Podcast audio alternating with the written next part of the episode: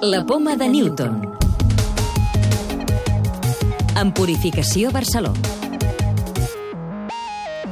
Els diferents llinatges humans, homo sapiens, neandertals, denisovans, es van barrejar entre ells. Això ho sabíem per anàlisis genètiques, però una descoberta recent de l'Institut Max Planck ha trobat per primera vegada proves materials d'aquests encreuaments.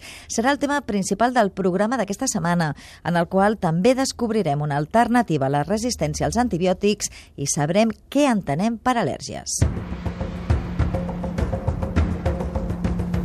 La confirmació que les poblacions humanes primitives es van barrejar l'hem obtingut d'un fragment d'os trobat a Sibèria, que pertanyia a una nena d'uns 13 anys que va viure fa 50.000 anys amb mare neandertal i pare denisovà.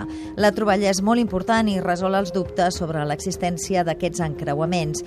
Tomàs Marquès és investigador i crea de la UPF i director de l'Institut de Biologia Evolutiva. Trobar un fill d'un pare denisovà amb una mare neandertal és l'evidència clara de que el que havíem predit en els genomes era correcte hi ha hagut un temps en l'evolució humana on diferents poblacions de llinatges diferents humans es creuaven entre si donant lloc a híbrids.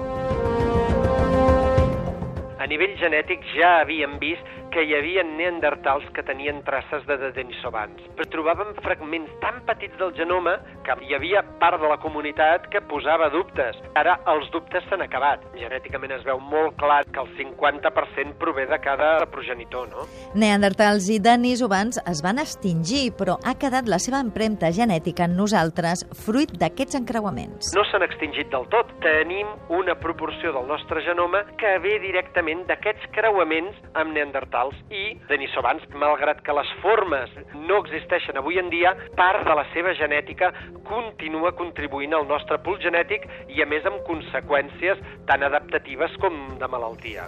Per exemple, una mostra d'aquesta influència la veiem en l'adaptació de comunitats del Tibet a l'alçada, una qualitat que tenen gràcies a la seva genètica de procedència denisovana. Més coses, una nova combinació d'antibiòtics permet tractar amb èxit el 60% de les pneumonies contretes dins d'un hospital, principal causa de mort entre els pacients més crítics de les unitats de cures intensives. Antoni Torres, investigador principal de l'estudi realitzat per l'Institut d'Investigacions Biomèdiques August Pi Sunyer, l'IDIVAPS.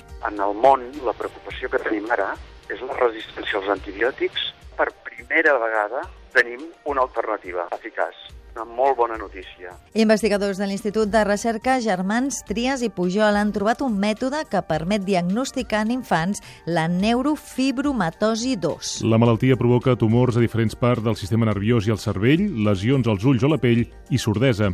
Aquests investigadors han comprovat que la mutació que origina la patologia és present sempre a la pell i això confirma la viabilitat d'estudiar lesions cutànies aparentment inocues per diagnosticar de manera precisa la malaltia, amb més fiabilitat que els tests genètics habituals. Un estudi de l'Institut de Biologia Molecular de Barcelona i del Centre de Regulació Genòmica ha trobat l'origen de la divisió celular. Aquests investigadors han identificat un enzim que garanteix una correcta divisió de les cèl·lules i han descobert que quan els nivells d'aquest enzim són baixos, el procés es desenvolupa de forma errònia.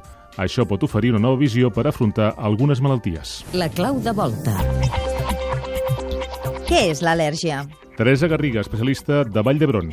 És una reacció immunològica anòmala contra alguna substància externa. Llavors, aquest al·lèrgen pot entrar al nostre organisme per diferents mecanismes. En el cas del polen és per inhalació, però també podem tenir malalties al·lèrgiques manifestades d'altres maneres, no? bé sigui per ingestió, com en el cas d'aliments o medicaments, per injecció com fàrmacs o les picades d'algun insecte, o per contacte amb la pell, no? a través de medicaments, cosmètics. Recordeu que ja podeu descarregar-vos el podcast de la Poma de Newton o subscriure-us al programa per rebre'l directament als vostres dispositius.